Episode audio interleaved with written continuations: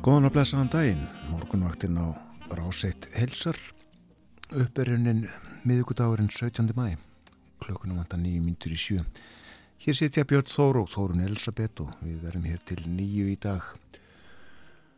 Og uh, við höldum í gamlar hefðir og höfum fyrsta veðri og sjáum á kortinu frá því klukkan 6 í morgun að við erum í plús.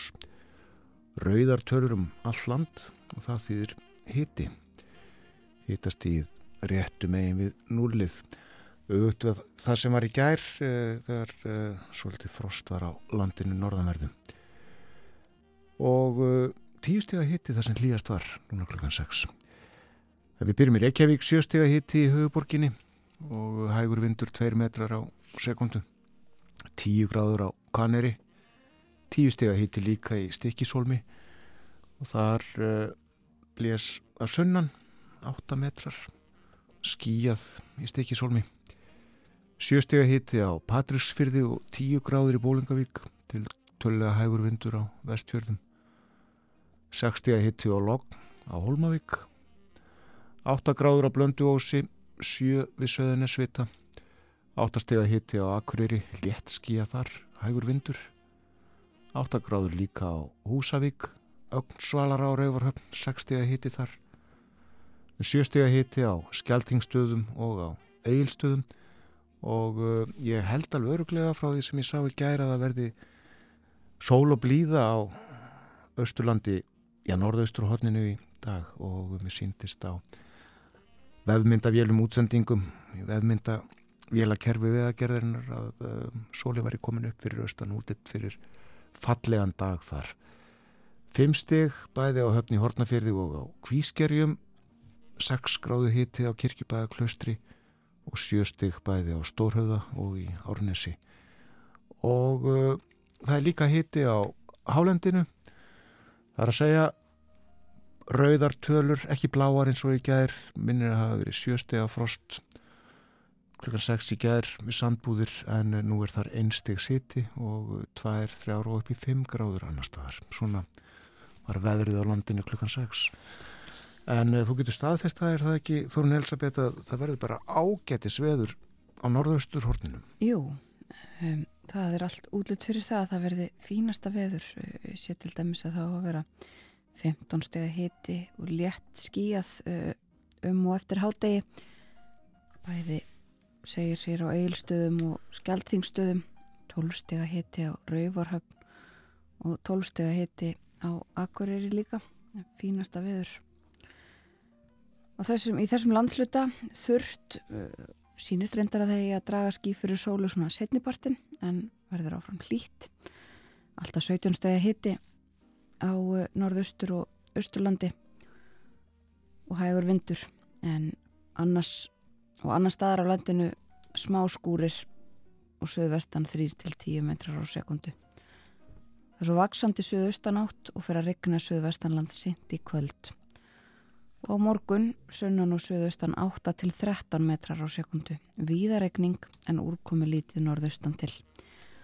Vestlægar átt og skúrir annað kvöld og áfram hiti á bylinu 8 til 17 steg og hlýjast norðaustanlands við lítum aðeins inn í förstu dag og helgina þá er gert ráð fyrir svo litlu róki sunnan söðvestan 8 10 til 18 metrum súld eða regning með köplum en áfram að mestu þurft á norðaustur og austurlandi. Og eiginlega alveg eins á lögadag bjartað mestu um landi norðaustanvert aðeins kaldara og áfram eins á sunnudag. Þurft og fínt á norðausturlandi sem sagt en aðri landslutar sínist mér fá regningu Já. Og uh, ég held að það sé bara ágætti staða á vegun landsins samræmi við þetta, engin hálka á þaðan á síður krapi eða snjóþekja á vegum. Nú nú eh, letuafundur Europurásins hófst í hörpu í gær og honum verður framhaldið í dag og uh, það má búast við uh, lokunum eða ekki búast við, það verður lokað áfram í dag til 6 í dag á sömu stöðum og í gær. Það á við þarna miðborg Reykjavíkur uh, kringum hörpuna og þar svona í næsta nágræni en uh, svo eru við búin að tafir annar staðar uh, þegar uh, fólkið allt saman þeir á flugöldina, Reykjavíkur flugöld og Keflavíkur flugöld og heldur til síns heima en það á alltaf vera komið í eðlilegt horf klukkan 6 sínist mér á tilkynningum. En við tölum aðeins um fundin á eftir, gerum það eftir fréttinnar klukkan 7 hann vantar ennþá fjóra myndur í og við setjum af stað lag. Já Norsk lag, gamle venn, þetta er Silja Nergård.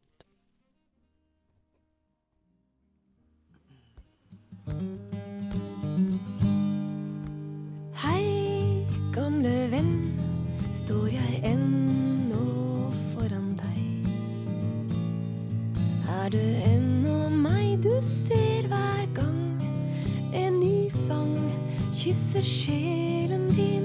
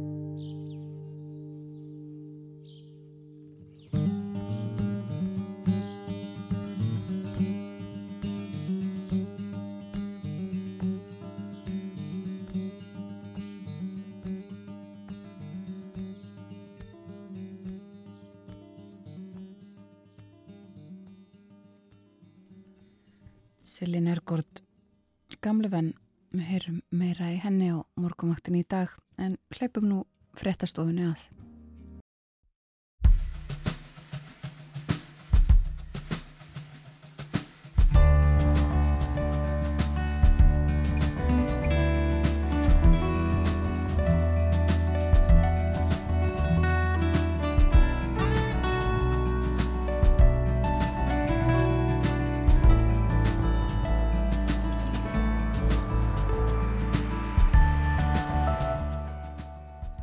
Góðan dag. Morgunvaktin helsar miðvíkudaginn 17. mæ á þjóðháttíðardegi Norðmanna. Umsjónamenn eru Björn Þór Sigbjörnsson og Þórun Elisabeth Bóadóttir. Erlend málefni eru á daskra hjá okkur í dag í tilefni af leiðtó að fundi Európuraðsins í Reykjavík. Við erum með annað augað á hörpu og því sem þar er rætt. Við fjöllum um málefni Úkrænu og líka um samstarf og stöðu fámennari ríkja Evrópu. Hilmar Þór Hilmarsson, profesor við Háskólan á Akureyri verður hjá okkur klukkan halv átta. Og svo fjöldum við um efnahag Evrópuríkja, hann er misjafn, jafnvel þótt ríki síu á ímsanhátt keimlík og noti sama hjálpmiðil. Ásker Torfarsson fyrir yfir þetta og fleira í spjalli um alþjóðleg efnahagsmál eftir morgumtrektir. Og í síðasta hluta þáttarins beinum við svo sjónum að fámennustu ríkjum Evrópu. Í Andorra, Mónaco, Liechtenstein og San Marino búa 40 til 80 þúsund manns, talsvert færri en hér. Saga þessara ríkja er laung og merkileg og vera ílluðadóttir fer yfir hana í stuttumáli. Einhvern veginn svona verður morgunvaktin í dag. Við höfum yfir hugleðinga viðfræðings, suðvestan góla eða kaldi og smá skúrir á víð og dreif. En, það er oft enn, þurft og nokkuð bjart á norðaustur og austurlandi. En það finnst svo að regna í kvöld suðvestanlands og á morgun þá verður uh, sunnan eða suðaustanátt. Vindfræði að 13 metrum og það mun regna víða á morgun upp stigningadag. Eh, síst þó norðaustan til og hitin í dag að 17 stigum það er eiginlega sömar hiti held ég að mér sé á þetta að segja Já. 8 til 17 stiga hiti rétt að láta það fylgja sögunni sumstaðar verður bara 8 stiga hiti en uh, það verður hlýjað uh, á norð-austanverðurlandinu en uh, annarkvöld þá verður vindurinn vestlægari og um, við mögum búast í skúrum og förstu dag þá er svo útlitt fyrir stífa sunnan og suðvestanátt með áframhaldandi rigningu sunnan og vestalands. Veðurhorfnar fyrir daginn í dag og næstu daga. Og þá lítum við í blöðin, innland og erland og byrjum á morgunblæðinu og fórsíðan er helguð leðtúafundi Európaráðsins sem að hófst í hörpu í gær og verður framaldið í dag saman í skuggastríðs er hér í gerðsalöpum á fórsíðu og uh, vitnað í Katrinu Jakobsdóttur fósettirsráþura í uh, setningaræðu hennar í gær við komum ekki hingað saman til þess að fagna heldur í skugga stríðs. Og uh, hún lagði í árpi sínu mikið upp úr samstöðu líðræðisríkja Evrópu með Úkrænu svo hún geti hrundið árás rúsa og öðlast bæði frið og réttlæti. Og uh, það er hér mynd af henni í uh, ræðupúlti. En á stærri mynd má sjá alla fundamenn, leðtóðana alla og aðra sem að uh, eru hér á fundinum, þó ekki alveg alla en uh, þetta voru ekki bara leðtóðar Európur áðs ríkjana heldur var fleiri bóð, bóðið að taka þátt það eru þarna ríki sem eiga til dæmis já, auka aðild, Bandaríkin og Mexiko, Kína, fleiri. Vatikani heldur sem við þó líka. En svo má sjá þarna Selenski, Ukrænu fórsetta sem að áarpaði fundinni gegnum fjarfundabúnað og uh, mynda honum varpaði upp á tjald. Og uh, áfram heldur fundurinn í hörpu í dag en Þorund, hvað er skrifað um fundin í Erlendblöð?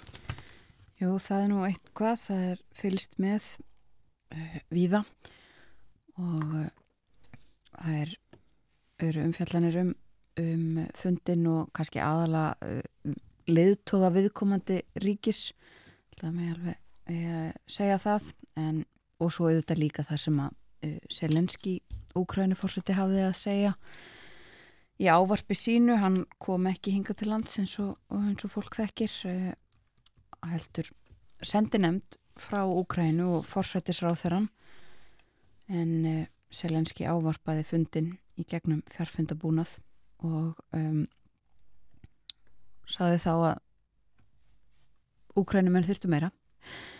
En það er og vakti aðtegli, við nefndum það hér í gerðmorgun, hafðum eftir Reuters fréttaveitunni að Rissi Súnak, eh, fórsættis á þeirra Breitlands, hegðist koma hinga til lands og tala við kollega sína um uh, breytingar á, á uh, innflytjanda og hælisleitenda lögjöf og uh, það er kannski hægt að segja að það hafi verið svona uh, einhver leiti til heimabrúks og hafi gengið hjá hann um það er á einhverjum fórsýðum bladana í, í uh, Englandi í dag uh, ummæli hans, hann hafi þarna talað sérstaklega til sérstaklega til dómara í, í mannrettindadómstólum í Strasburg en það var uh, í Strasburg sem að uh, áform breskra stjórnvalda um að fæ, uh, flytja flytja fólk til um, Rúanda voru stöðuð á 11. stundu það var í fyrra,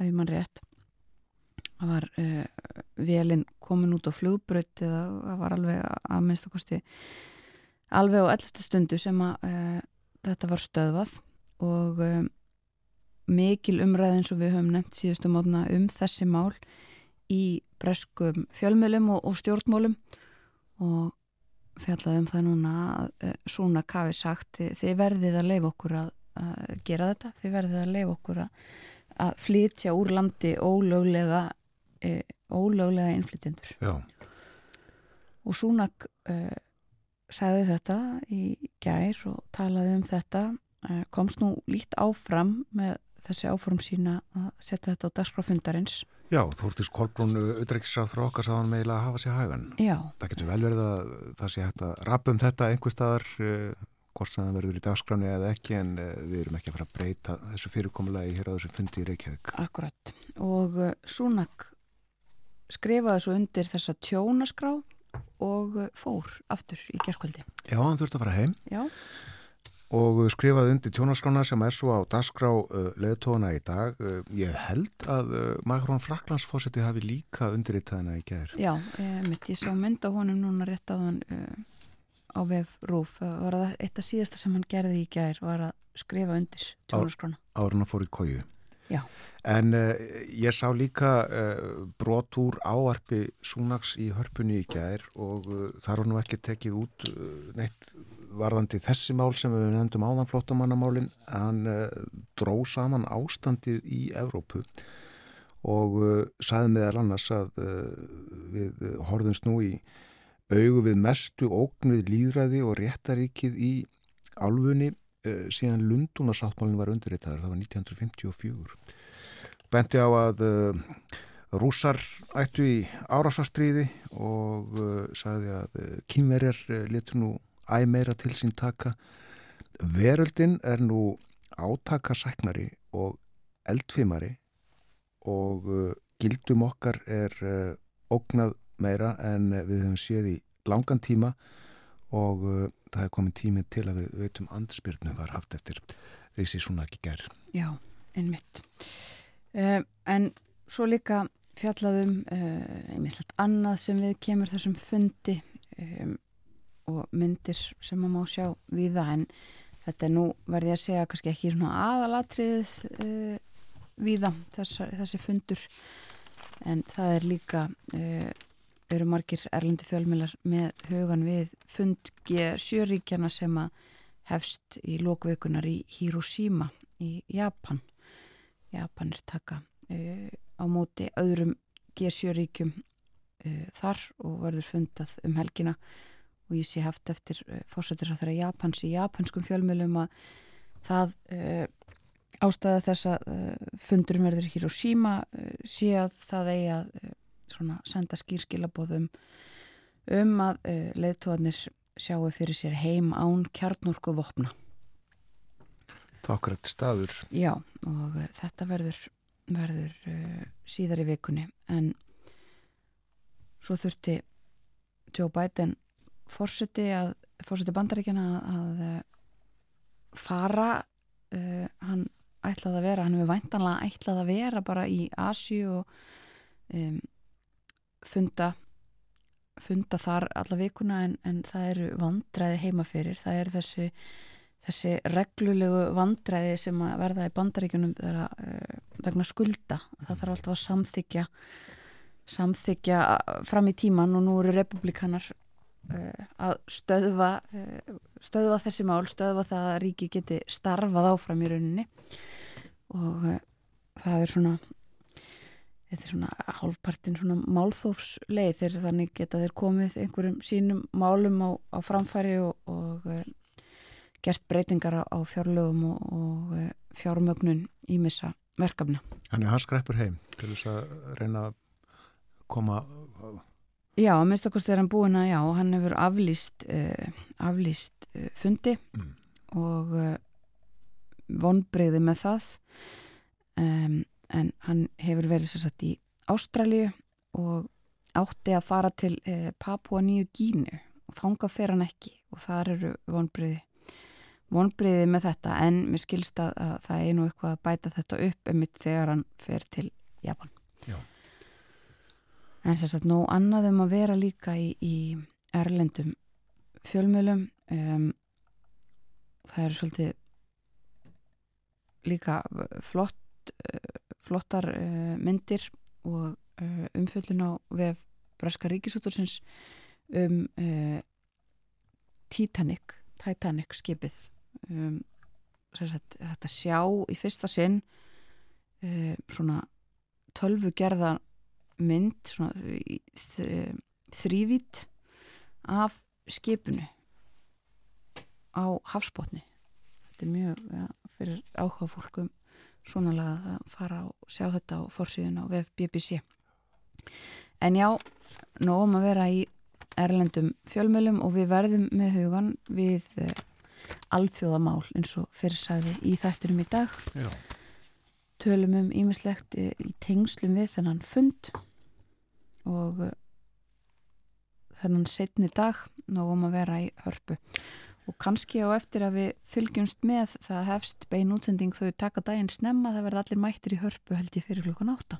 Já, ég held að dagskráin hefist hún eftir uh, 30 mínútur þegar Já. klukkunum vantur stundafjórung í áttæðið mitt og uh, þá ræðum þess að tjónaskrá uh, sem að þegar tveir leituar hafa undirritað Makrón Fraklands fósetti og uh, Sunak fósettisáþra Breitlands en uh, svo uh, held ég að þessu ljúki bara um eða upp úr hádegi uh, verður enn til blaðamannafundar eftir hann og uh, svo halda leituarnir heim.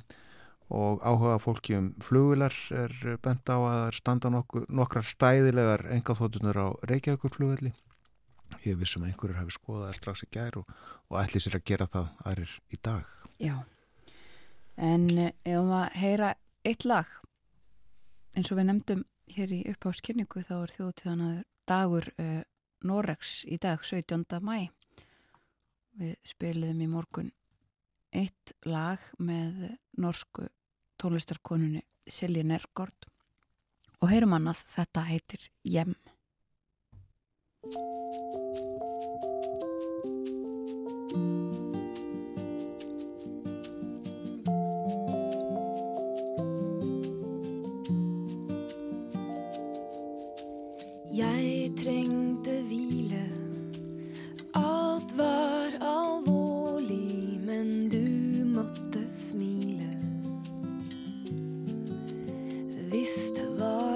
hjemme, men alt jeg sa, var du klar til å glemme.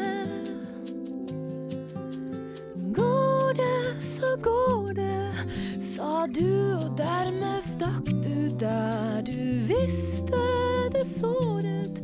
Hvordan går det med dem som helst vil tro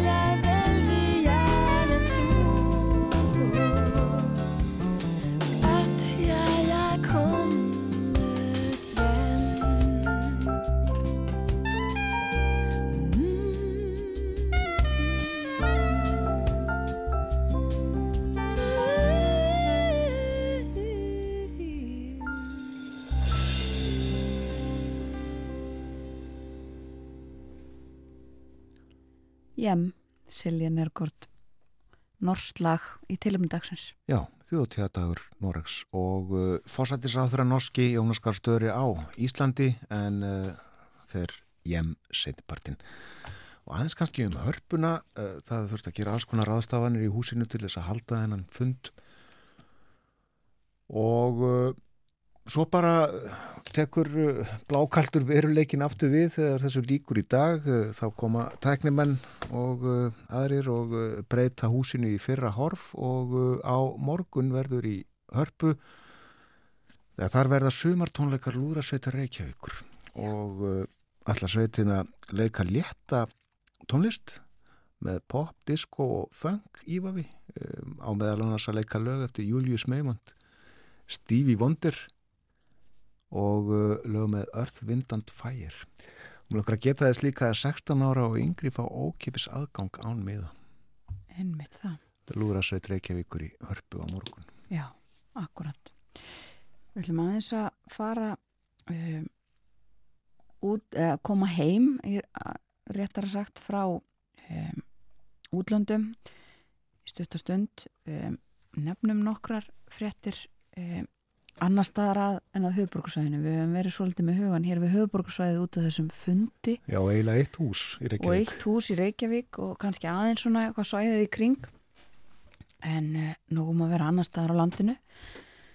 Nefnum kannski fyrst uh, frettir úr vikurfrettum sem að koma út í, í kemur út í dag, kom út í gerkvöldi á, á vefnum. Um, þar er fjallað um ímislegt á fórsíðunni það er mynd frá Kálvatjarnakirkju á Vasslösuströnd hún er 130 ári ár og tímamótunum var fagnað e, síðastlegin sunnudag með kirkjudegi messað og eh, dagskrá í kringum þetta kaffisamsæti og svo er fjallað um það að íbúum í Reykjanesbæ hefur fjölgað um 765 á tímabilinu frá 1. desember í fyrra og til 1. mæ núna og þeir eru í dag 22.763 og það er fjölgun upp á 3,5% fjölgar hlutfalslega mest í vógum segir í fyrirsökninni og uh, svo líka fjallaðum uh, hundrað dauða fuggla sem fundust á Fitjum í Njarðvík. Aðalega rétur og þetta er eitthvað sem við höfum séð í fréttum annar staðar líka. En uh, það eru fleiri fjölmilar með hugan við uh, fólksfjölgun eða þróun. Bæjarins besta á vestfjörðum segir frá því að vestfjörðingum fjölgaði um 12 í síðasta mánuði. Um, bara í april sem sagt. 55 fluttu lögheimili í síðasta mánuði. 34 fluttu innan landslutans 10 til höfuborgarsvæðisins en 25 fluttu frá höfuborginni og til vestfjörða í sama mánuði fjallaðum þetta á vefnum bb.is og uh, húnahotnið segir frá því að í sumar þá á að gróður setja um það byrj 109.000 plöntur af 5 mismunandi trjátegundum í hlýðum spákonufells. Spákonufell eh, fyrir ofan skagaströnd. Og uh, það á að gróður setja mest af byrki eh, sittgagreni líka svo er það stafafura rússalerki og alaska ösp. Og uh, þetta er töluvert mál að gera. Búið að semja við verktakan Þórarinn Sveinsson um að sinna þessu verki og þetta á að taka um 36 dagsverk. Og gróðusetningarnar eiga að hefjast í byrjun júni og það er líka fjallað um uh, vetrarferðir frá Sýrik í Sviss til Norðurlands svissnesk ferðarskristofa það er fjallað um þetta bæði á feiki og uh, á akureyrar miðlunum að það á að fljúa til akureyrar um, í februar og mars á næsta ári. Þetta er ferðarskristofa sem er uh, vön ferðum að því að skipulegja ferðir hinga til Íslands en fyrsta sinn sem að verði beint flug frá Sviss og til Norðurlands. Og þetta er auðvitað ánægjöfni fyrir ferðarþjónustuna þar Allir er allir á skýði, svislendingarnir Jú, allir það ekki. Eh, fyrst að þetta er bara í februar og mars. Um, allavega verður allavega hægt vonandi. Já. um, En uh, fleiri sem að fara til Sviss til að fara á skýði vanlega Já, er kannski skoða goða og Dettifoss og fleira svona í vetrarbúningi. Já, eitt í viðbútallega nefni mitt að því að annur eh, mjög vinsæl eh, eða mjög vinsæl áfangastæður ferðamanna undarfærin ár er stuðlagil. Fjallum það og eh, nærlegjandi svæði í austurfrett um, Múlaþing og fljótstalsreppur ætla saman að krafta sína um að þrýsta á um vegabætur. Og austurfrett þekkir dæmi þess að ferðamenn hafi snúi við það sé svo slæmur kaplið þarna. Og það þurfum að gera betur. Öllum til hagspota segir í frettinni Fjölmilar híðan og það af landinu en framöndan er frettaðilu tjá okkur hér á morgunvaktinni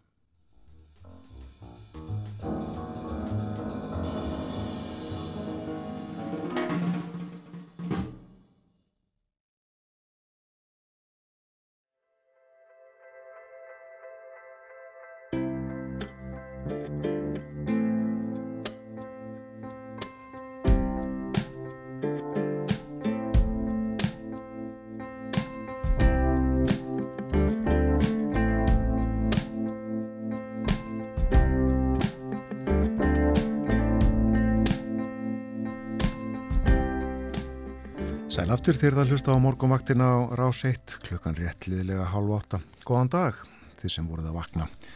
Hér sitja Björn Þór Sigbjörnsson og Þórun Elisabeth Búadóttir. Við verðum hér til nýju í dag og uh, hjá okkur er sestur Hilmar Þór Hilmarsson, profesor við Háskólan á Akureyri. Við ætlum að uh, ræða við hann um uh, erlendmálefni, um alþjóða stjórnmál. Við ætlum að tala um smáriki, afl þeirra fá þau einhverju ráðið um uh, gangmála í heimstjórnmálunum eða er það alltaf uh, sá stóri sem ræður. Svo verður Áskiprínar Torfarsson hjá okkur eftir morgun 13. klukkan 8. Við ætlum að tala um efnaðasmál uh, meðal annars efnahag einstakra ríkja í Evrópu sem að eru að mörguleiti svipuð og nota mér að segja sama gjaldmiðil en hagvöxtur getur verið ólíkur og ímislegt fleira.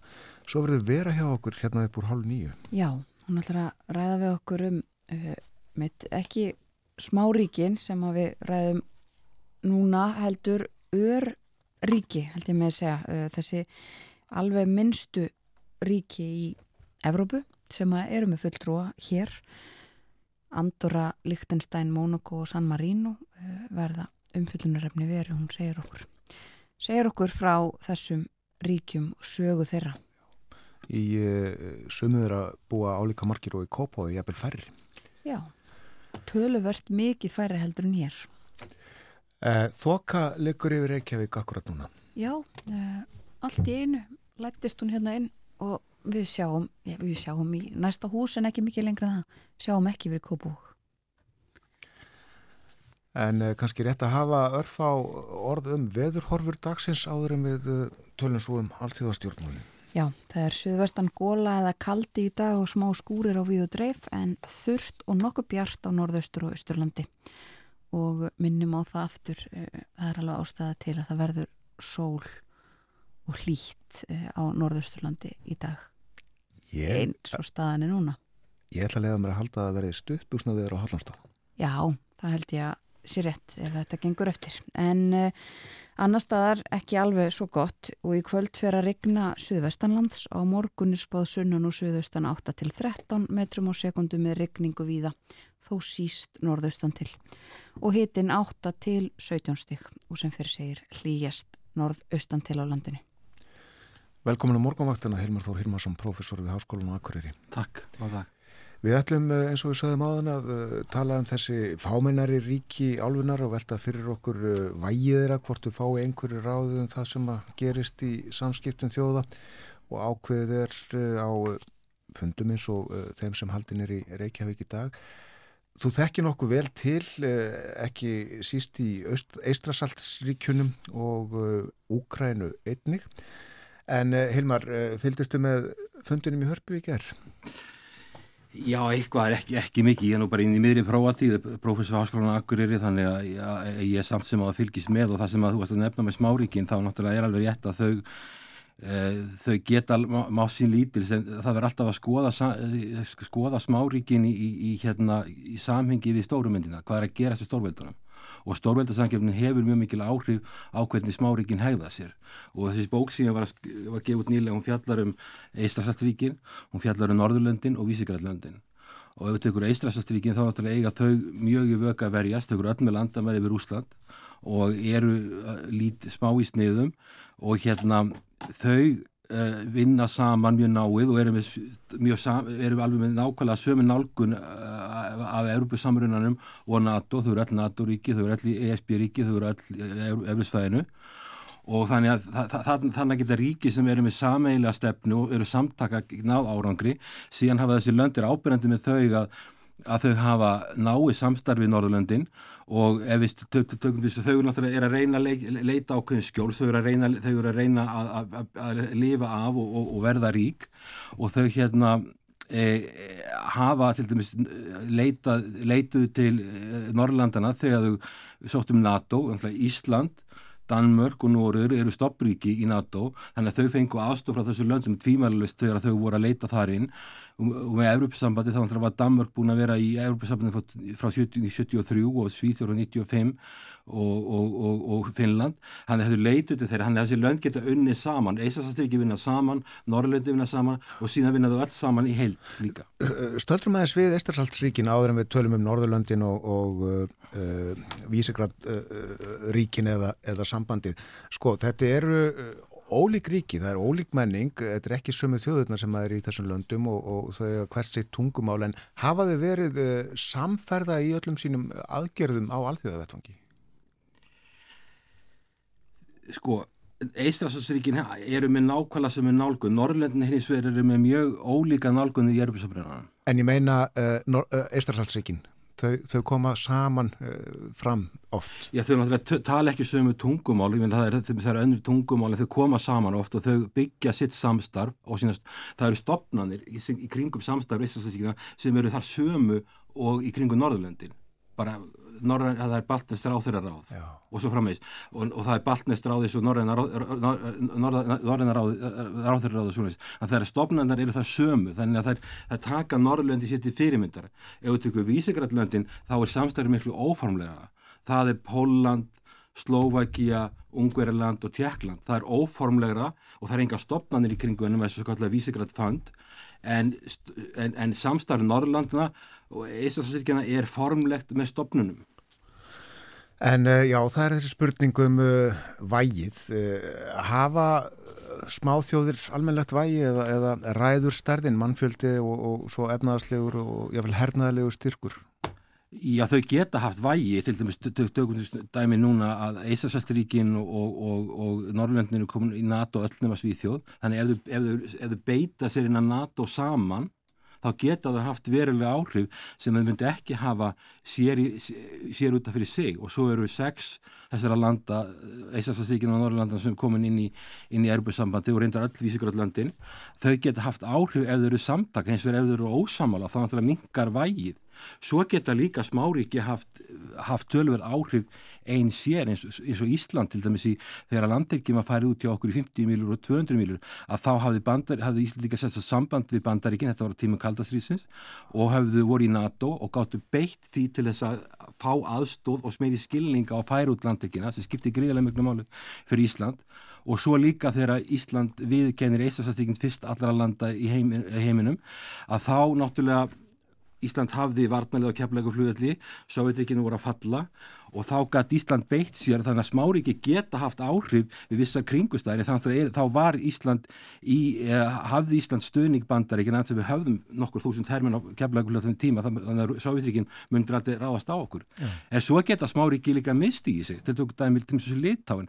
Litáin náttúrulega er, er, er, er í hörðum áróðustriði við rúsa og stiður Úkræni mjög, mjög á mjög öflugan hátt og er alltaf fremst í flokki að krefjast refsaðgjara Rúsland en þeir eru svo líka komnir í deilu við kýmverja því þeir eru út af Tævan þeir þeir hafa leift, leift hérna eh, Tævan að opna Tævan skristofi í Vilnius en ekki Taipei skristu og þetta er alveg skelvilegt í augum kýmveri að því að það var að tala um the, the Lithuanian Icelandic moment þar að því að, Litáar séu að leika að gera það sama við Taiwan eins og Ísland gerði við Íslandsallíkin og þetta náttúrulega er eitthvað sem er spurning hvort það er smári ekki eigi að gera og ég held að flesti Litáar hafa verið á móti þessu að vera, vera að espa upp kýmverja því að svo er líka ákveðin óvis að Íslandsallíkin treysta alveg á bandaríkinu í öryggismálum og það er bara óvisa bara, það eru kostningar á næsta ári, þannig að það er óvisa þar.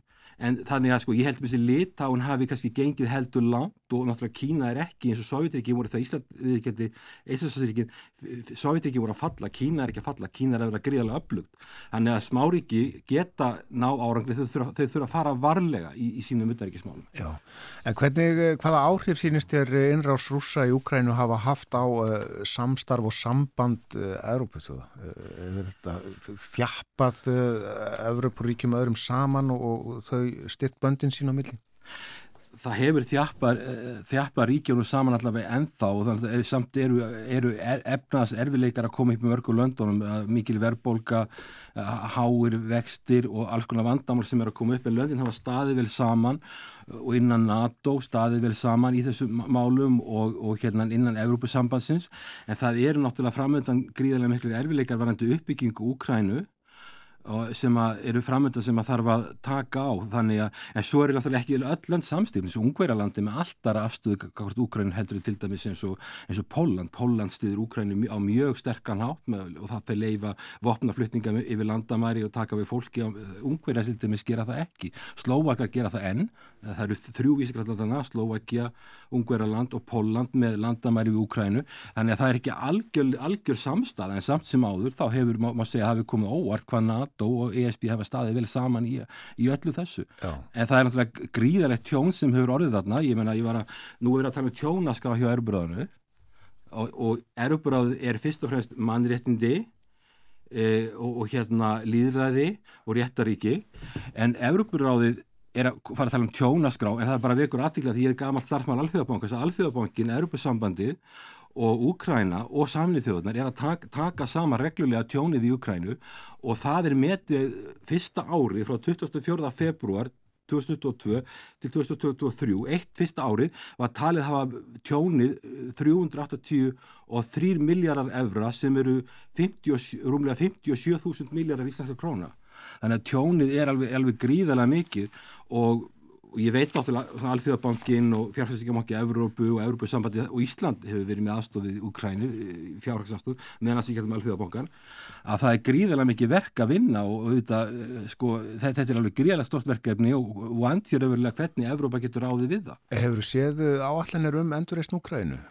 Ég, ég, ég hef séð skýrslu frá Alþjóðabankanum um, um þetta mál og, og sem Evrópa-sambandi gerir og samnið þjóðunar og þeir meta það að þetta muni taka að koma Úkrænu og þetta er ég að tala um fyrsta árið að þá er þetta að tala um að þetta muni taka tíu ár að koma Úkrænu á stað sem hún var fyrir stríð núna.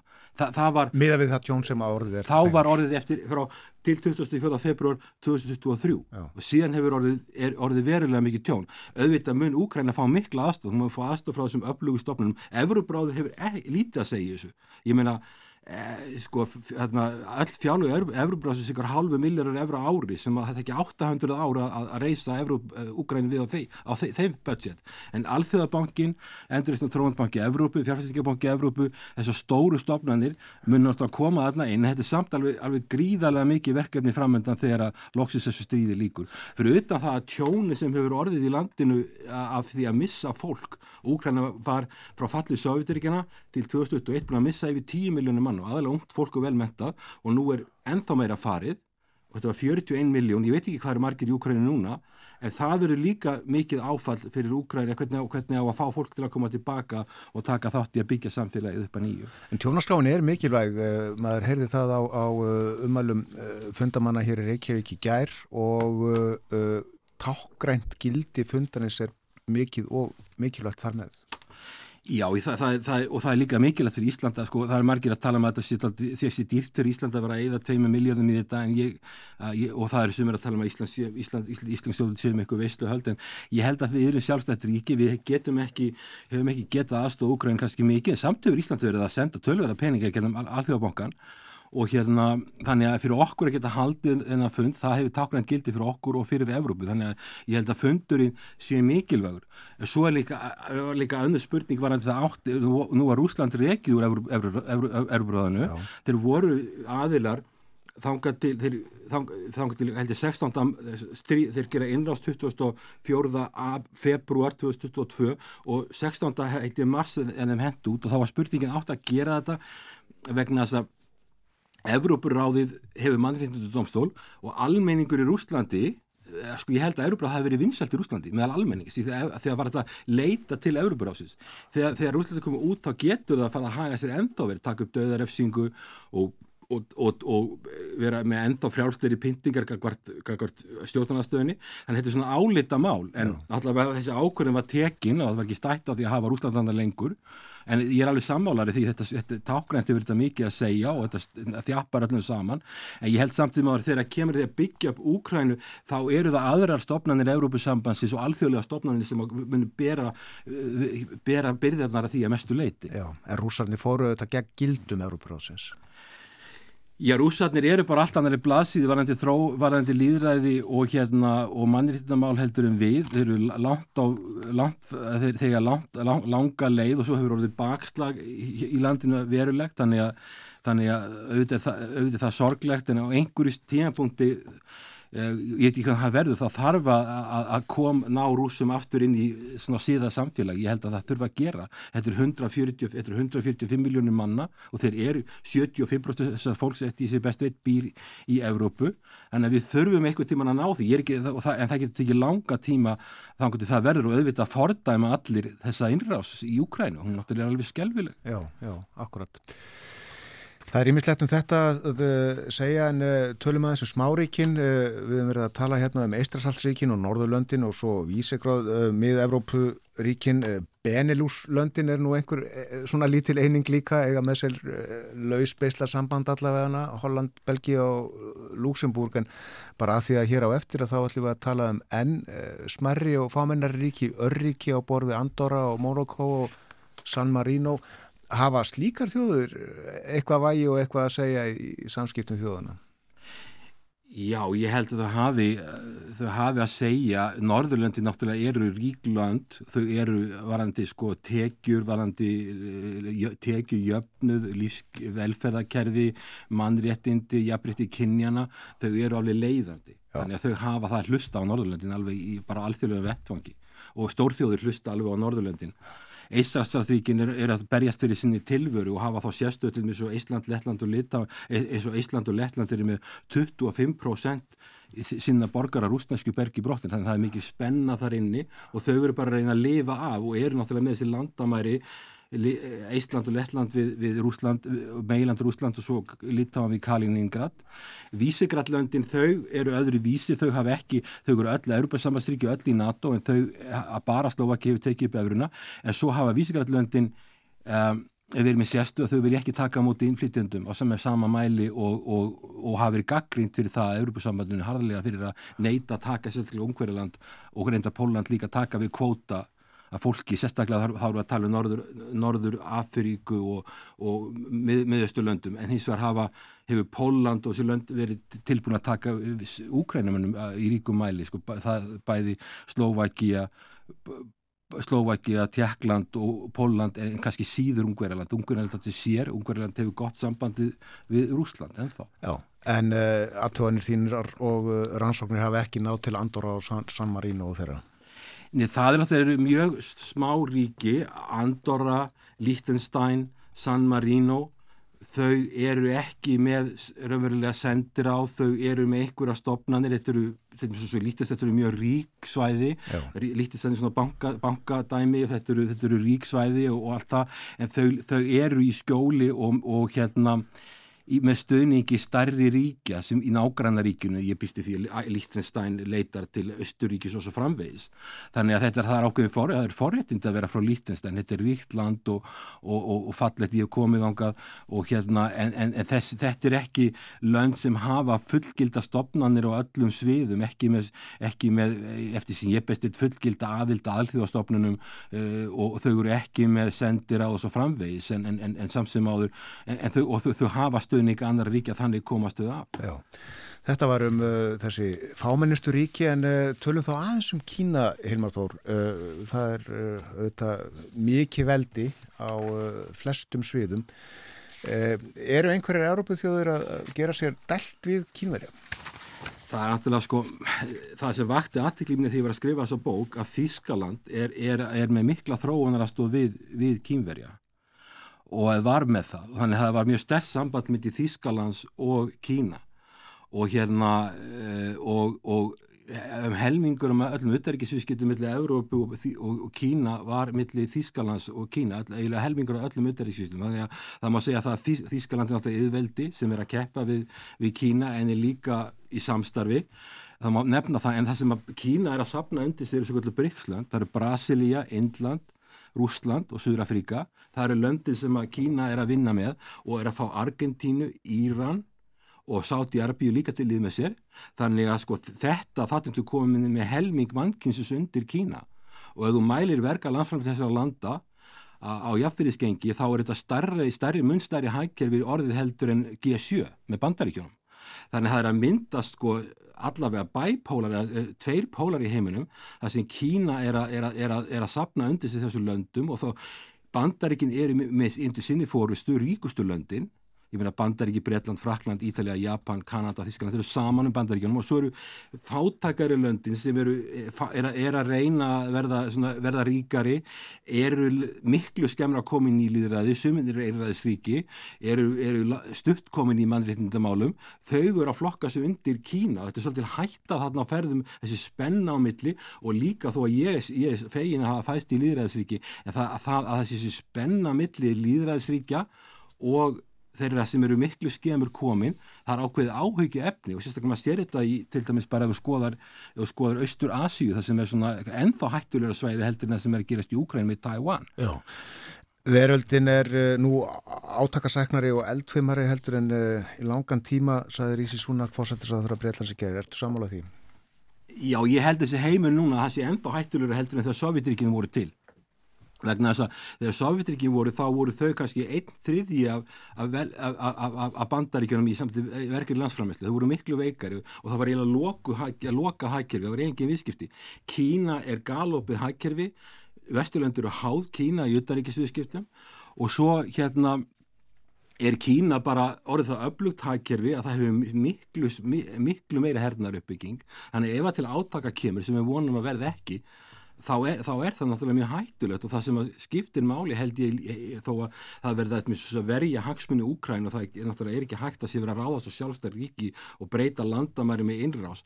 En það, það þarf að fara varlega svolítið í, í Östur Asíu því þannig að geta blossað upp mjög hörð átök og hérna með ófyrir sjálf afleðingum og það væri ekkit gott að vera með tvö stríð, sama, tvö stríð í heiminum í gangi á sama tíma og við líka hafa í huga að, að, að Kína er kjarnokkuveldi þannig að, að ég held að skipti máli fyrir heimin að reyna sko, við erum með fátækríki í heiminum og við erum með ríkland við erum með eh, liðræðisríki og lönd sem eru stittra komin. Við, það er ekki hægt að breyta þessum brikslöndum í líðræði, fullkominn vestræðan líðræðisríki á skamman tíma, við verðum að hattu okkur við það. En það er þetta, ég held að sem vestræðin þurfa að leggja áslá er að vera góð fyrirmynd. Við getum ekki sko endilega fengið svo löndis að breyta sér með, með endalösu viðskiptaþvingunum, hvað þá hernaði. Við þurfum að sína að vesturlönd eru góð fyrirmynd og þessu lönd færist í líðræðis vegna þess að þau sjá það að það borga sig. Eins og ég saði, löndi sem er undir bandaríkjanum eru öll ríklönd og það er allt líðræðisríki Þakkaði kellega fyrir að vera með okkur á morgunvaktinni Hilmar Þór Hilmarsson professor við Háskólan á Akureyri. Rættum hér um allsíðamólin ástandið í heiminum. Og uh, framöndan eru fréttir hjá okkur hér í þættinum. Og eftir þær uh, þá ætlum við að tala um efnagsmál í heiminum. Áskiprinnar Torfarsson verður með okkur. Og uh, svo melli hálni og nýju vera Ylluadóttir og uh, Örríkin í álfunni. San Marino, Monaco Líktenstein og Andorra. Hún ætlar að eh, fara aðeins yfir sögu eh, þessara ríkja og uh, það er ímislegt sem kemur í ljós. Fylgið okkur inn í daginn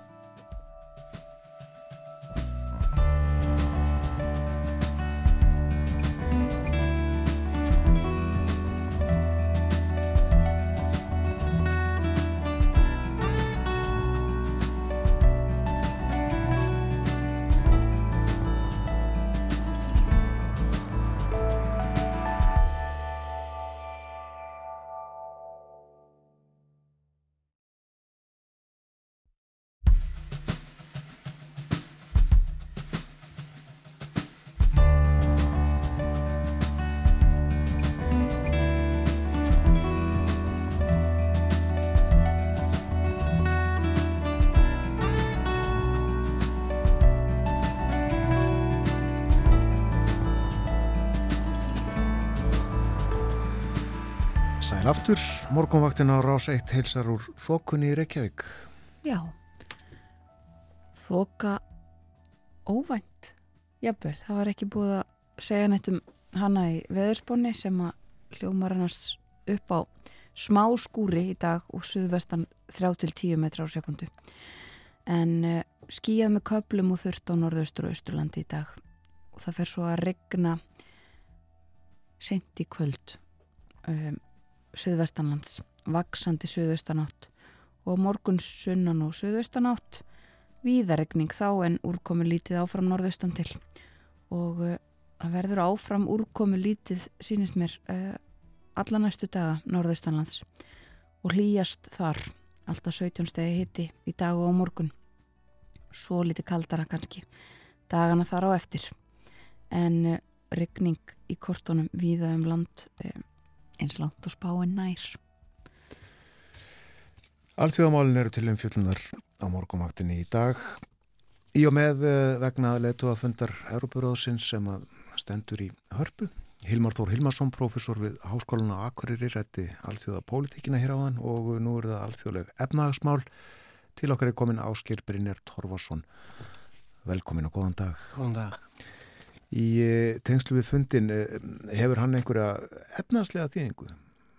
Eh, nei, held nú ekki beint, auðvita eh, kostar hann og það kemur inn í aukinn hávöxt, það þarf að eigða í, í utanumhaldið, þannig að, að ef maður vil líta það þannig, eh, ef við viljum horfa á það frá ferðaþjónustu punktinum, þá er náttúrulega myndin af Guðuna fórseta með reglíf á raungunni eða þessi þoka núna kannski ekki alveg til að gera einhverja ferðaþjónustu aðdráttar hérna sveiblu þar held ég að tónleika herrfæð Bjarkar skili mun meiru í turistatekjum heldur en þetta en, en um, þannig að efnaðslega fyrir okkur nei en um, við getum séð það svona ef maður horfir á þetta út frá þessum fjármárlegu, pólitísku og hernaðarlegu þemum að þá er náttúrulega Selenski í svona á túr um Evrópu þó hann hefði bara komið á sumhinga til þess að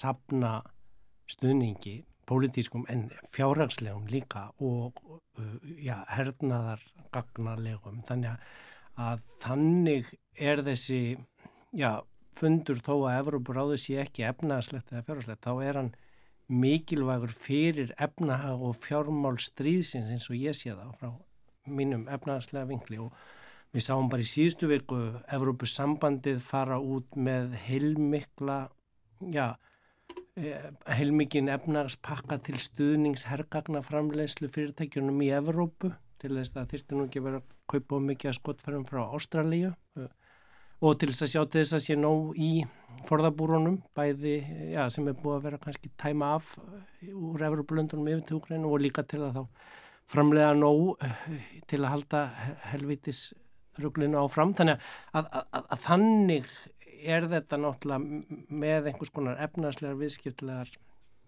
hörnaðarlegar afleiðingar. Og, og það er augljóst að þetta er svona upptaktur að ekki sjöfundinum síðan sem er í Japan. Þannig að að þannig, þannig horfaði við mér frá efnaðarsviðinu svona, mm. já, og, og út frá þemanu um, en, síðan er það náttúrulega hinn uh, já, og þátturinn og megin þemað og það sem að heilmar kom aðeins inn inn á að, að uppbyggingin mun verða svo dýr og Evrópa mun ekki geta staði einundi því alveg eins og við þekkjum eftir setni heimsturöldina að, að þá komur náttúrulega bandarækjaman með, nei, með hérna Marshall, Marshall aðstofuna. Eh, þannig að, að, eh, að það er líka verið að undirbyggja það eins og ég sé það frá efnarsjónum og þar skiptir þessi eignatjónskráning gífulega miklu máli því að, eh, já, sem maður haldi sér líka við þegar maður fundar eins og grungildin, réttaríkið og, og, og að fylgja því að þá er náttúrulega já, mjög mikilvægt þó að Úkrænuminn fylgir því samkvæmt sínu já, lögjafar umhverfi og, og, og kerfi að, að það er, ef maður horfir á þetta með alþjóðlega vingli að þá er, uh, já, væri hægt fyrir hinn að segja að þeir eru búin að ofskrá þarna tjón því þeir eru, þannig, þannig ég sé það þannig mikilvægt að Evrópa og ég meina bætin var með stuðning við þessa eignaskráningar formgerð sem vantarlega verður tilkynntum setni í dag, við, við þurfum að býða eftir að sjá niðurstöna, að, að það er gífulega mikilvægt að það sé alþjóðulegur vingil á því og eitthvað svona hlutleysi í að skrá það rétt. Það, það, það er bara eins og með allt bókald og reikniskil sem er nú mitt svið. Að það Það, þar liggur sannleikurinn í tölunum og, og það er mikilvægt að það sé gert hlutlegt, hlutlust og, og ekki, já, menn sé ekki að tvítelja eða svindla á bókaldinu. Já, einmitt. Það kostar mikið að, að uh, reka herr og fara í stríð en svo kostar uppbyggingin með allavega tölunar sem Hilmar var nefna hérna áðan kannski ennþá meira. Já, já, og, og Evrópa efnaðslega er náttúrulega, já, hún komin út úr faraldri, um, skuldir allar ríkja búin að aukast, þannig að það er ekki eins og þessi mikið rými til að, að hérna, hella sér það, en eins og við sjáum þegar að stríð kemur að þá eru nú samt öll ríkina já. auka í hernaðar útgjöldin, þannig að það verður, það verður leist, ég er ekki nokkrum á með það alveg eins og sé aðstofna sínum tíma, en, en, en, en til þess líka að það verði ekki kannski gerð hluti af þeim mistökum í fyrir og setni heimstyrjöld að þá erum en það þykir mér núna merkilegt að meðan á stríðinu stendur er verið bæða að tala um enduruppbyggingu undirbúning fyrir það og líka að Þannig það verði ekki eitthvað svona sigurvegar að tapara réttarhöld að heldur að það sé bara svona hlutlegt hlu, uh, já, skráð og enn grundvöldurinn í því það sem er accountability sem er erfitt orða því það ábyrð en, en líka það að standa reikningsskil gjörða sinna um, sem er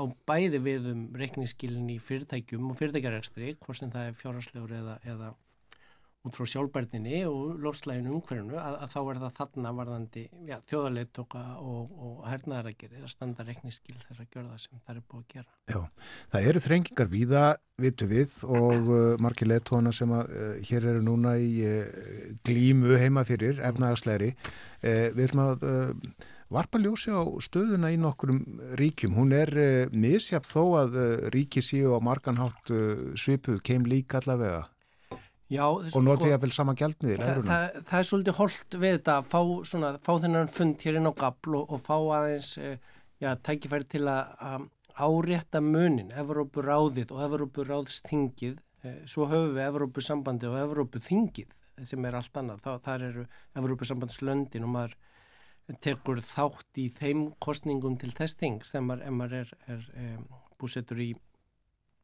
Evrópusambandslöndunum, síðan er þannig að við förum hann úr 40 eitthvað löndum, niður, 46 löndum niður í 28 í Evrópu, nei 27 í, í, í Evrópu sambandinu en hins vegar fóru, að því það minkaði um breytana, en hins vegar fóru úr 17 upp í 18 núnum áramótin varandi Evruríkin, þar að segja að, að, um, að, að hver flokkur er svona, já, uh, þreng, þrengri uh, klubur með þjættara samstarf uh, og uh, við erum síðan þarna svona rúsinan sem fær að fylgja með en, en erum inn á evrópska sameila markaðum þannig að, að, að við og norðmenn uh, og Líktinstæn þannig að Evrópu sambandslöndin 27 verði raunum voru 30 á hennum sameila markaði þar sem að ja, reglurnar gilda og þess vegna þurfum við að taka upp tilskipanir þaðan og innleiði lög hér að því að það er já, kostnaður, það er það sem það kostar að fá að vera með inn á þeim markaði.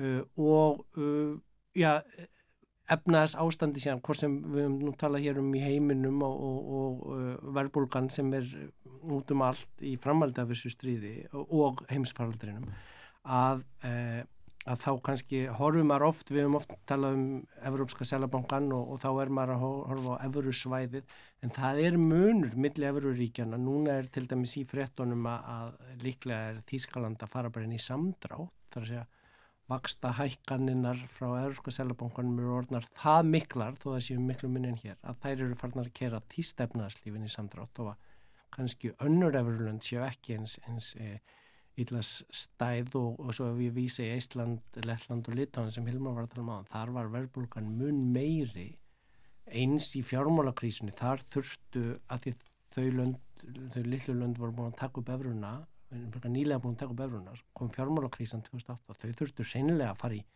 sko beina launalækun ofinbæra starfsmann upp á 10-20% til að bregðast við því ástand. Við hér fórum bara í 50% flata launalækun allra með því að fella gengi krónunar, þú veist, og, og getum svo talað um kjarabætur upp frá þeim botni en, en, en, en þarna er svona byrtist svolítið munur er maður inn á Evrusvæðinu eða er maður inn í, í Evrópussambandinu eða er maður inn á Evrópska sammeila markanum og, og svo þetta Evrópuráð sem er náttúrulega bara að taka svona stærri umgjöruna sem skiptir samt máli fyrir viðskipt og afnæðsumkörfi þar að segja að og enn meira máli leifi ég mér að segja nú eftir heimsfaraldur og bara umbreytinguna í óróleikan í heiminum eh, og lofslagsmálin að þau eru að setja eins og hjá Örbjörnsambandinu herri kröfur á bæði umhverfisleg gæði vara og líka eh, mannreittindasjónum minn þar sé að þessi ekki verið að framleiða í barnaþrækuna vesmiðum vörunar og svo þegar að núna eh, já, þarf að fara að framleiða meira rámagsbílum hvaðan batteríin og ráöfni í batteríin koma þannig að öll þessi þróun sem er bæði vegna þess sem við lærðum af heimsfaraldri og þessum umhverfismónum krefast að þau setja eiginlega tækverði til að setja harðari kröfur á viðskipti. Þannig að, að, að vissuleiti getur maður sagt að það sé verið að undirbúin núna að setja upp svona totla á þá sem eru með skítugri vörur uh, umhverfislega eða, mannreitindarlega þannig að, að það út frá því skiptir þessi yfirlýsing sem hann koma máli út fyrir, uh, út fyrir stríðsátökin eins og ég sé það. Þannig að ég, ég held að, að, að já, eins og ég hef sagt áður hérna kannski verið talið full hrifnæmur, við erum að lifa í gegnum gífulegar umbreytingar tíma í heiminum og, og þetta er bara svona eitt, eitt, eitt púsla með mörgum í því. Já, Gjaldmjölamál Norðurlandana eru með mjög ólíkum hætti. Já, uh, við erum náttúrulega með normönum minna á efnahags uh, svæðinu uh, en svíjar, danir og finnar eru í sambandinu beint og uh, þar er síðan uh, bara finnarnir með efruna og inn á efrusvæðinu en í raun og veru eru daninni næstum því inn á uh, efrusvæðinu að því að þeir beintengja sína dönsku krónu við efruna þar er hins vegar alltaf yfirvonandi þessi möguleiki þar sé hægt að klippa á þá tengingu. Þannig að þess vegna eru þeir ekki taldir með inn á öðru svæðinu og þeir koma ekki að rekstri Evropska Selbankans en, en vegna þess að þeir eru í sambandinu að þá eru þeir um, já, með svona segja, stuðning hérna um, Efralandan þar á baku sig. Svo eru við með sænsku krónuna sem að á að heita sé uh, fljótandi og frjáls en hún hefur nú ef maður skoðar sögulega í raun og veru alltaf fyllt þýska markinu og hún fylgir efrunni ansi svona vel eh, ef maður skoðar gognin eftir á. En náttúrulega samt er vissmunur þeir hafa haft svona húsnæðis bólu vissa, þeir hafa verið með neikvæða vexti sem að hérna er búið að snúa við núna. Þannig að, að þar er eh, já sko náttúrulega stort innriki bílar sem eru framleitir í Svíþjóð þeir eru að taka ekki bara hráfni heldur parta úr öllum Evropa-Lundunum, það er búið til í Portugal og Sloveni og Slovakíu þannig að, að fyrir þá er já, Evru uh, samstarfið náttúrulega já, ætti að vera auð, auðsætt að það væri til hagspóta en þeir gera það svona með, með sínu sjálfstæð krónu en þurfa samt að elda Evruna. En er uh, norska krónan uh, besti gældmiðli heimi? Besti?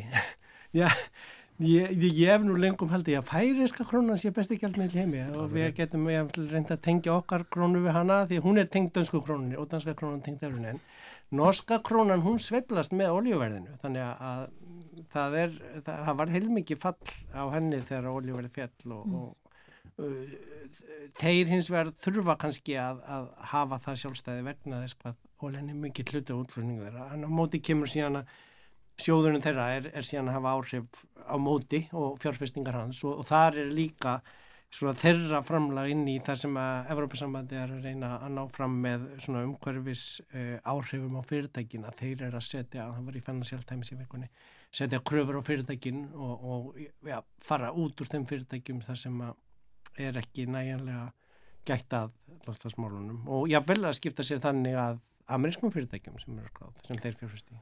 Við höfum lengi ætlað að tala sérstaklega um norsku ólíusjóðin og, og uh, þurfum að, að ákveða það, að gera það uh, mjög fljótlega, það eru margt að tala þar. Uh, við ætlum hér að nota síðustu mínunar til þess að tala um uh, dýrafræði enn og aftur. Við höfum nefnt nokkra dýrategundir hér í spjallið okkar síðustu mánuði. Já, ég, þetta var verið að fara að tala um hérna fílafugla á Madagaskar í síðustu viku og þá myndi ég eftir ræðu selabangamann sem hafi fjallað um sæfíla sem að mér fannst svo áhugaverð gummul saga sem ég þetta revju upp. Það er selur, er það ekki? Jú, það er selategund sem er miklu starri en rostungar eh, og eh, já, í svona samhengi við það sem ég ætla að vera að fjalla með löndin og mismunandi, já, samkemnis yfirbúrið millir landa, stærri og minni og sumverðast Eh, stærri og stærri á sínum sviðum að þá eh, er, hefur náttúru þróunin svona eh, hérna hinn darviníska þróunum að hinn, hinn hæfasti lifa af í, í svolítið áhugaverða útkomi í, í, í sæfílunum þar sem að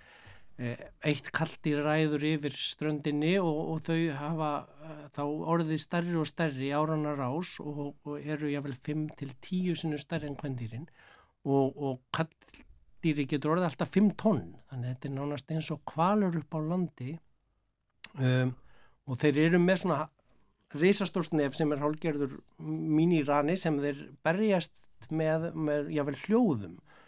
Uh, en það áhugaverða við þess að sögu um 1850 að þá uh, var uh, þessi dýrategund næstu í útdauð. Þeir lifa við strendur Kaliforníu, minnig tegundin og stærri tegundin í, í, á söður heimskautunum og voru bara hundra dýr eftir en þá settu bandarísk yfirvöld bara veiðibann uh, og ástæðan fyrir okkur voru bara hundra eftir að náttúrulega 5 tonna flikki upp á strönd er svolítið svifaseint. Þannig að þeir voru auðveld bráð.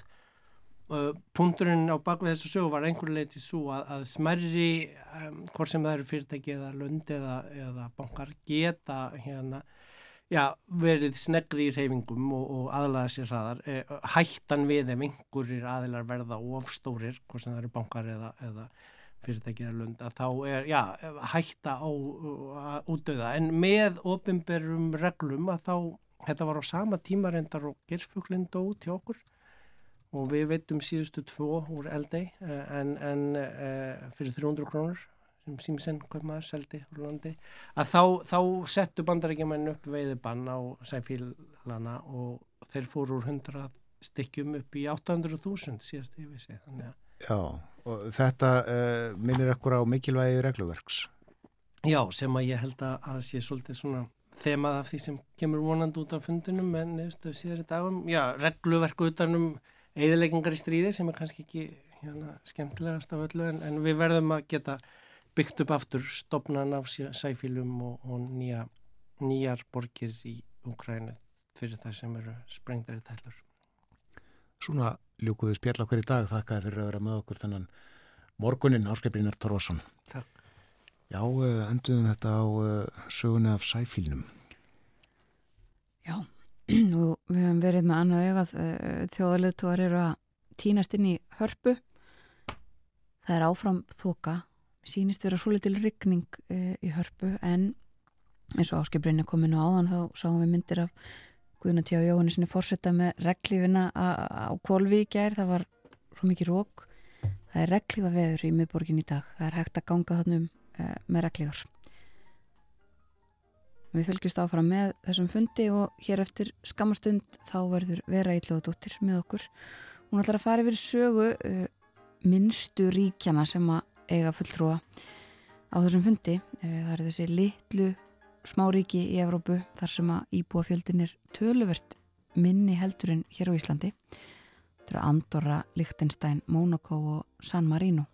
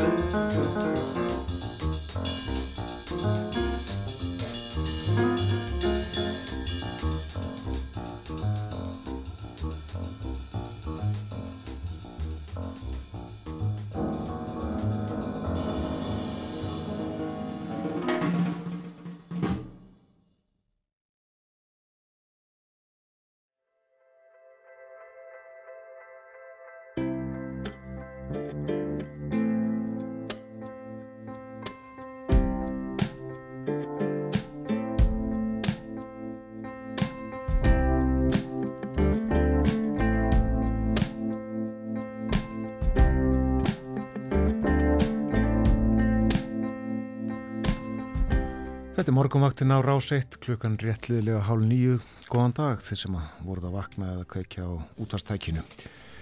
Hér setja Björn Þór Sigbjörnsson og Þórun Elisabeth Bóðdóttir og uh, við gerum það í rétt hæpar 30 mínútur til viðbótar og uh, við borðið hjá okkur er sest vera Ylvaðdóttir. Hún ætlar að fara í uh, örstutum áli yfir langa og merkilega sögu örríkjana í Európu. Þetta eru Andorra, Lichtenstein, Monaco og San Marino. Góðan dag, vera. Góðan daginn. Hvað er það að hefði leik? Já, við getum bara byrjað á uh, því sem er fyrst í stafróinu á, á Andorra en uh, já, þetta eru þessi, þessi fjögur ríki sem að jafnan eru, eru sögð vera örríki þannig svona ekki alveg ríkir ekki alveg sátt um það hvernig maður, hvernig maður skilgreini uh, örríki, það er annarkort eftir í lönd með mjög uh, fáa íbúa, mjög lítil landfræðilega séð og svo framvegis en flestir sammála um, um þessi fjögur sem eru öll í, í Evrópu ráðinu. Síðan er þarna fymta örríkið og það allra minnsta Vatikanið en það er nú kannski svona dálitið önnur saga af því. En við getum byrjað á, á Andorra sem að er að finna í Pýrinega fjöllum á, á Íberjuskaga, milli Fraklands og Spánar og Andorra er svona, það er 468 ferkilometrar og þar búa tæplega 80.000 manns. Uh, ekki frekar en önnur þessi ríki þá er Andorra er ekki í Evrópu sambandinu en, en fær að nota Evruna og íbúar tala flestir uh, katalónsku. Nú uh, hvers vegna er þetta land þarna á milli þessara stóru, stóru landa Fraklands og, og Spánar? Uh, sagan sem að Andorramenn segja sjálfur er að, er að sjálfur Karla Magnús hafi stopnað, stopnað þetta ríki eftir að, eftir að fólki þarna í, í fjöllunum hafi hjálpað honum að berjast við Mára hingu tímanum árið 800 og hann hafi gefið þeim það að launum að þeir fengi að hafa þarna sitt sjálfstæða ríki en þetta landsvæði í fjöllunum var lengi undir stjórn greifa nokkur, greifans af Úrgel sem er katalónst greifa dæmið þarna til suðurs og síðan biskupsins af, af Úrgel þarna á sama, sama svæði en einhvern tíman á 11. öll þá fór franskur greifi að blandast inn í málefni uh, svæðisins uh, greifan af uh, Foix í söður Fraklandi og þessir tveir katalónsku fransku greifar fór að, fór að deila um þetta svæði sem endaði loks með því 1278 að samim var um að þeir færu í raun og veru báðir með stjórn svæðisins, deildu, deildu þarna yfiráðum og þetta fyrirkomulag hefur, hefur haldist allt fram til dagsins í dag sem sé frá 1278 þegar Andorra leitt svona dagsins ljós sem, sem sjálfstætt, sjálfstætt ríki og, og þessir, þessir þessi greifi og þessi biskup fara í, í raun og veru ennþá uh, formlega séð með völdin uh, nema hvað að þetta greifa dæmi af, af uh, foa það rann á endanum inn í, inn í frönsku krúnuna. og er núna þannig að það fulltrúi greifans að foa í dag er Fraklands fórseti sem er annar af, af tveimur þeir eru kallaðir sam, samfurstar sem að fara með stjórn eða svona eru æðstu þjóðhæðingar í Andorra og hins vegar biskupinn af, af, af Úrgel í, í Katalóni. En svo er þarna svona tiltölulega hefðbundin ríkistjórn, fórsættisráð þeirra? Jú, þetta er þingbundin uh, konungstjórn, þarna er þing og fórsættisráð þeirra sem að fara með uh, raunverulegt vald, þessir samfurstar hafa sangant hefðinni aðsta vald yfir utaríkismálum en svona lítil raunverulega áhrif á stjórn landsins og, og hafa ekki einu sinni neitunarvald yfir ákvarðunum uh, þings og, og ráþherra en eru samt þarna þjóðhauðingir að nafnum til og eru með fulltrúa sinni í, í Andorra alltaf uh, hverju sinni. Geta haft einhver áhrif, kannski svona aðalega í, í, uh, í ljósi sögunar uh, síðustu ár með hótunum. Þannig var það Nicolas Sarkozy, fraklandsforsetti, hann hótaði að segja af sér uh, fyrsta titli sínum ef að Andorra tæki ekki á ímsum málum varandi bankalögjöf í kjölfar efnahagsurins 2008. Andorra er svona þekkt skattaskjól eins og fleiri uh, smáríki og eh, biskupinn af, af Úrgel hótaði sem leiðis að, að afsala sér fyrsta titli ef andorska þingið samþykti lögum um þungunarof núna 2014 sem að, sem að þingi gerði á endanum ekki og, og Andorra er eitt af tveimur Evrópuríkjum sem að bannar algjörlega þungunarof ásand, ásand möldu þannig að, þannig að biskupin hafi þarna, þarna sín uh, áhrif. Þannig að, að, að andora fólk vildi halda þessum fyrstum sínum? Já, greinilega. En uh, þetta hefur svona verið, já, þetta er svona mikið samt að nafninu til og, og, og var svona frekar ímislegt loðið í, þessu, í, í, þessari, í þessum hefðum. Allt fram til ásins 1993 þá tók Andorra Loks upp svona formlega skrifaða stjórnarskrá.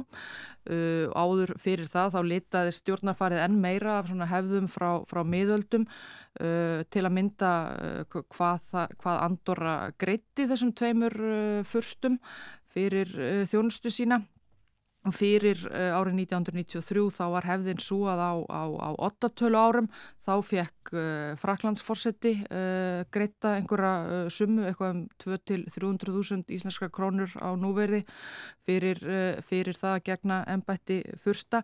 En á jöfnum árum þá fekk biskupin greitt laun, hann fekk mun lægri upphæð, eitthvað bara um, um 8.000 íslenska krónur. En meðfram því sex skingur, sex kjúklinga og sex osta. En uh, þetta var sem sé við líði fram til ársins 1993 og nú er þessu einhvern veginn, einhvern veginn öðruvísi, öðruvísi farið. Já, og við veitum ekki hvort það er ennþá einhver ákvæðum um matvæli. Nei, ekki, ekki, ekki svo ég viti til allavega. Nei, einmitt. Um, sko, hvernig er með uh, efnahag svona ríkis? Vitum við eitthvað um dæmis, hvað, hvað fólk uh, vinnur við eitthvað svona aðal aðal uh, atvinnugrein eða eitthvað svoleiðis?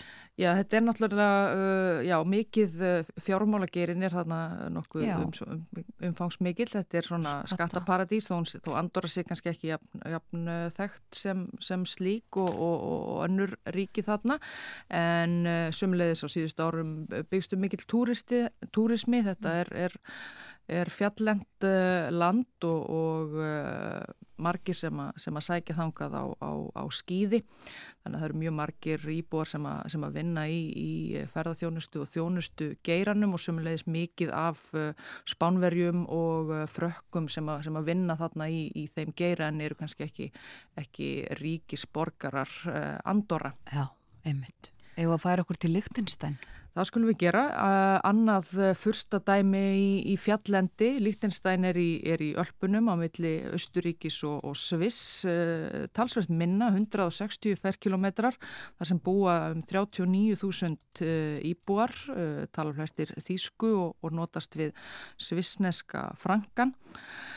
En Líktenstein er Já, hvers vegna er, er Líktenstein til? Það eru tilfæringar með, með fyrsta og, og herradæmi á, á, á dögum heilaga rómverska ríkisins sem hægt er að rekja það. Þarna var uh, nafnið Líktenstein, þetta var lítil, svona, þetta var aðalsætt í, í, í Östuríki sem átti landaregnir þar sem að nú er Östuríki en, en uh, kifti sér uh, lönd þar sem, að, þar sem að ríkið Líktenstein er nú til þess að komast til frekari áhrifa á 17. og 18. öld og var síðan formlega fyrsta dæmið Líktenstein 1719 og þegar heilaga rómverska eh, ríkið leysist upp og á endanum verður til Prúsland og svo Þískaland og Östuríki þá fer það svo af ímsum ástæðum að Líktenstein pínu lítið heldur sjálfstæði sínu, rennur ekki inn í Östuríki og ekki inn í Þískaland en það áða ekki landamæri að, að Þískalandi heldur helst þarna sjálfstætt og, og svona engin sem að uh, engin að þessum stórveldum Evrópu sem að, sem að gyrnist það sérstaklega þannig að það er eiginlega látið í, í, í friði og, og hefur fengið að, fengið að vera til okkar dags og var svona fyrstum sinn mjög svona náið Austuríki en hefur síðan fært sig meira yfir til hins uh, nágrannans Sviss og fylgir nú Sviss uh, mjög að málum og Sviss sérum, sérum mikið að þeirra utaríkismálum og, og, og fleira. Og Líktenstein með okkur í efta. Einmitt það.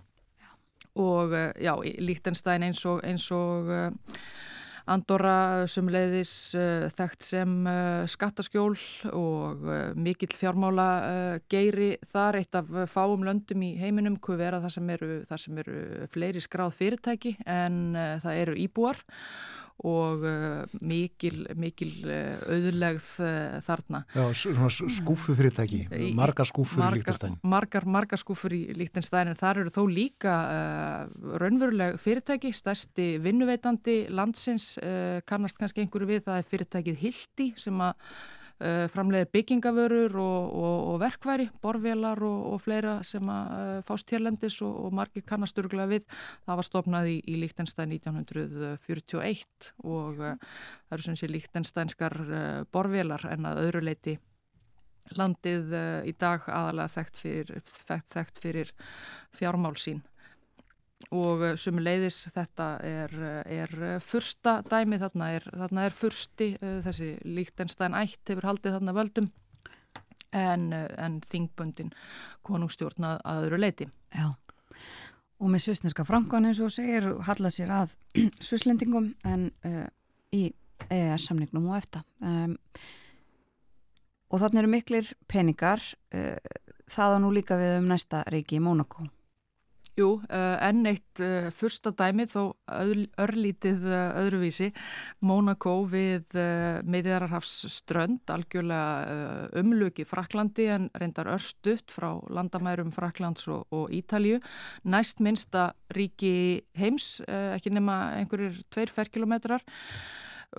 þar sem búa svipamarkir og í Líktenstein 39.000 eitt þéttbílasta ríki heims næst minnsta sem sé á, á, á hérna, bara Vatikanið sem að er uh, minna og uh, þarna tala menn já, frönsku og ítölsku og sömulegis mikið ennsku orðið en, en, en til innlend málíska, rómönsk málíska mónakoska sem er, er kent í skólum en, en lítið töluð og fáir sem að, sem að tala hana orðið að, að móðurmáli. Mm.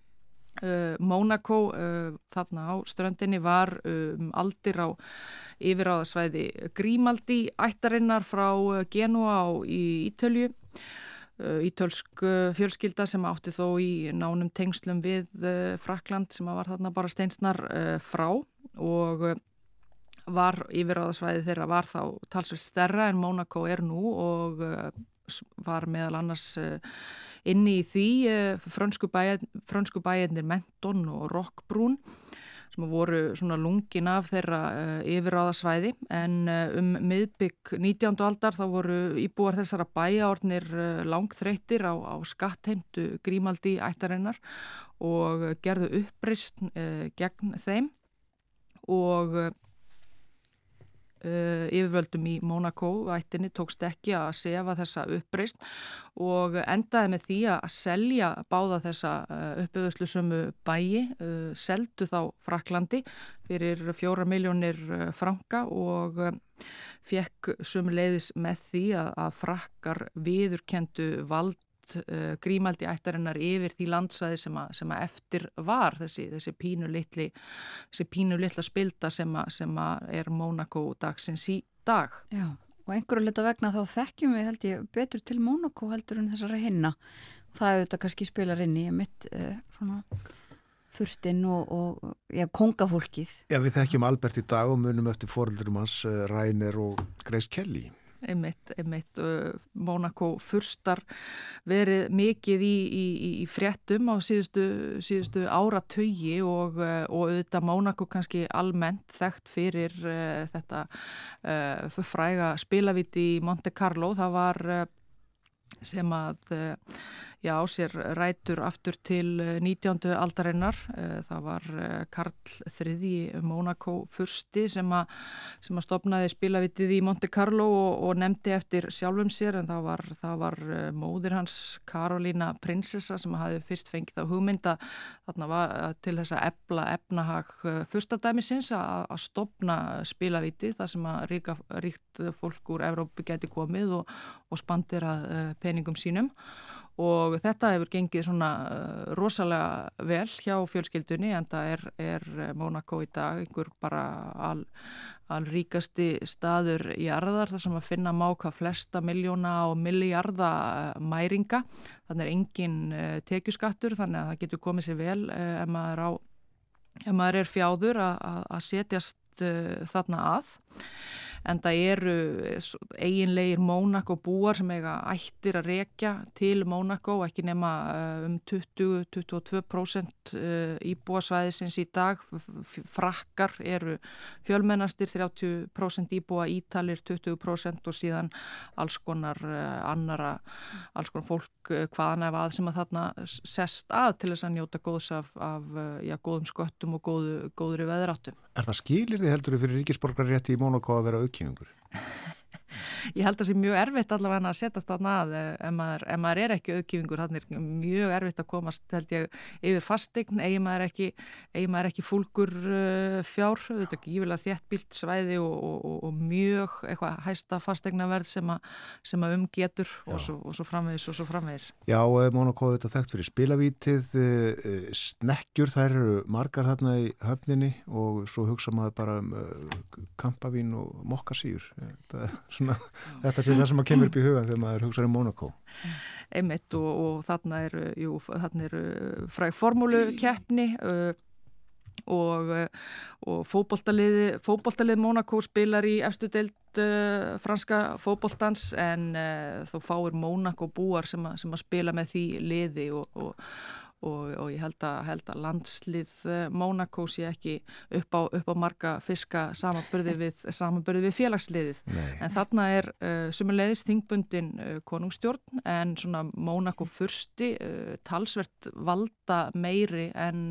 gengur og gerist kannski í slíku fyrirkomulagi Uh, síðan er sá háttur hafður á að fyrstinn skipar fórsættisráð þeirra en hann gerir það, hann fær að velja úr hópi uh, kandidata til fórsættisráþara ennbættisins sem að ríkistjórn Fraklands stingur upp á. Þannig að það eru mjög náinn tengslaðna millir Mónakó og Fraklands og þessi fórsættisráþara getur verið Mónakó búi, oftar en ekki er, hann, er, hann, er það frakki sem að tekur að sér þetta. Síðan eru þarna 5 manna ríkistjórn og 24 manna þing og sem stendur ef í staðins einn flokkur með, með öll þingsætin þjóðar bandalag Mónakó og fyrstinn hefur síðan neitunarvaldi yfir ákvörðunum bæði ríkistjórnar og, og þings þannig að fyrstin getur, getur haft uh, talsverð áhrif á, á, á stjórnina þarna. Já. Og að því að þú nefndi fókbaltaliðið Eður Smári Guðjónsson var leikmaður Monaco skeið. Einmitt. Að lokum ætlum við að tala um San Marino. Já, San Marino sem leiðis í, í eh, fjöllum, í Appenina fjöllum á norðausturluta Ítalju um svona 10 kilometra frá strönd Adria Hafs, það er sem sé alveg landlugt, 61 ferkilometrið sem að búa 33.000 eh, manns og uh, nota evru en eru ekki í Evrópusambandinu, þetta er miklum tengslum við, við Ítalju þarna, umlökið Ítalju. Uh, San Marino uh, gerir tilkall til þess að vera eitt elsta sjálfstæða ríki heims, uh, vilja meina að það hafi verið stopnað 301, árið 301 heitir í höfuðið á heilugum Marinus dýrlingi sem að, uh, var múrari sem að uh, tók þátt í að uh, endurbyggja borgarveggi Rímini um árið 300 eftir að sjóræningar höfðu eðilagt þá, segir sagan, var síðan offsóttur fyrir kristna trúsína og, og, og flúði því upp í fjöll þar sem hann stopnaði klaustur þar sem að höfuborg San Marino er, er nú og núverandi landamæri ríkisins mikið til óbreytt frá 15. öld og eh, þeim hefur tekist að halda sjálfstæði sínu þrátt fyrir ýmsar ógnir í aldana rás uh, síðast þegar að ítölsku ríkin voru að sameinast á 19. öldinni þá uh, mun uh, ítalska hetjan Garibaldi hafa leitað skjóls þarna með lið sitt og verið dvaldi í San Marino um hríð 1849 í fyrsta sjálfstæðistriði Ítala og gerði það verkum vist að, að Garibaldi var upp frá því mjög vinnvettur í garð San Marino manna og þegar Ítalska konungsríkið leitt svo dagsins ljós þá, þá fekk San Marino að hanga sjálfstætt þar, þar inni og skrifaði undir, undir samning þess efnis við, við hérna sameinuðu Ítalju. En uh, þetta er ekki, þetta er eina fyrstadæmið sem uh, er hér til umræðu í dag, sem er ekki fyrstadæmi. Þarna eru þjóðhauðingjar San Marino eru kallaðir höfuðsmenn eða kapitani regenti á ítölsku og uh, svo undarlegt er það að þeir eru kostnir af, af þinginu á San Marino á sex mánada fresti, alltaf 1. apríl og 1. oktober taka þeir uh, við ennbætti, tveir höfuðsmenn saman, þeir eru valdir úr, uh, kostnir úr röðum þingmanna, alltaf uh, tveggja flokka og þetta er eitthvað stjórnarfar sem þeir rekja aftur til uh, rómverskra siða. Og þetta fyrirkomlag hefur verið haft á frá því uh, árið 1243 í minsta, þannig að það er alltaf tveir uh, þjóðhauðingjar en svona vald þeirra er nú að mestu tákgrænt uh, en þeir svona hafa neitunarvald og koma til skjálana ef, ef erfitt reynist að mynda stjórn.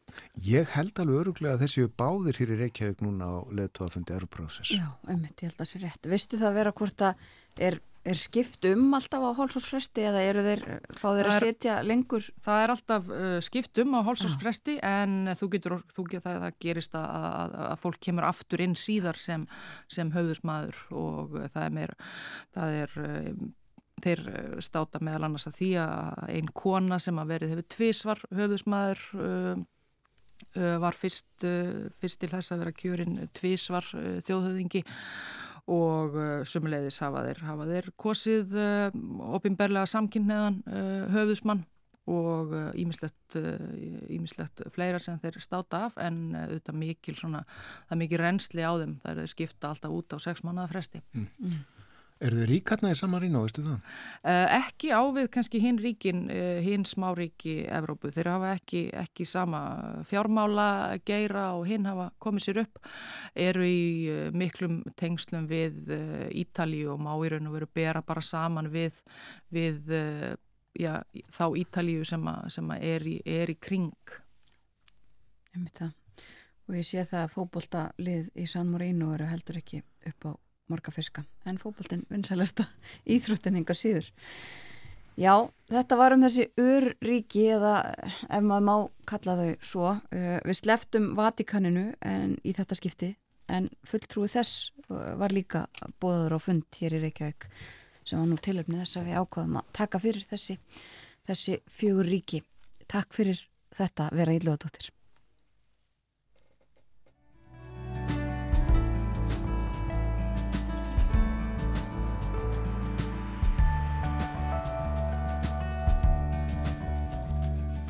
Morgumvaktin er að ljúka klukkan alveg að verða nýju. Við höfum settið hér frá því fyrir klukkan 7 morgun, Björn Þóru Þórun Elisabeth.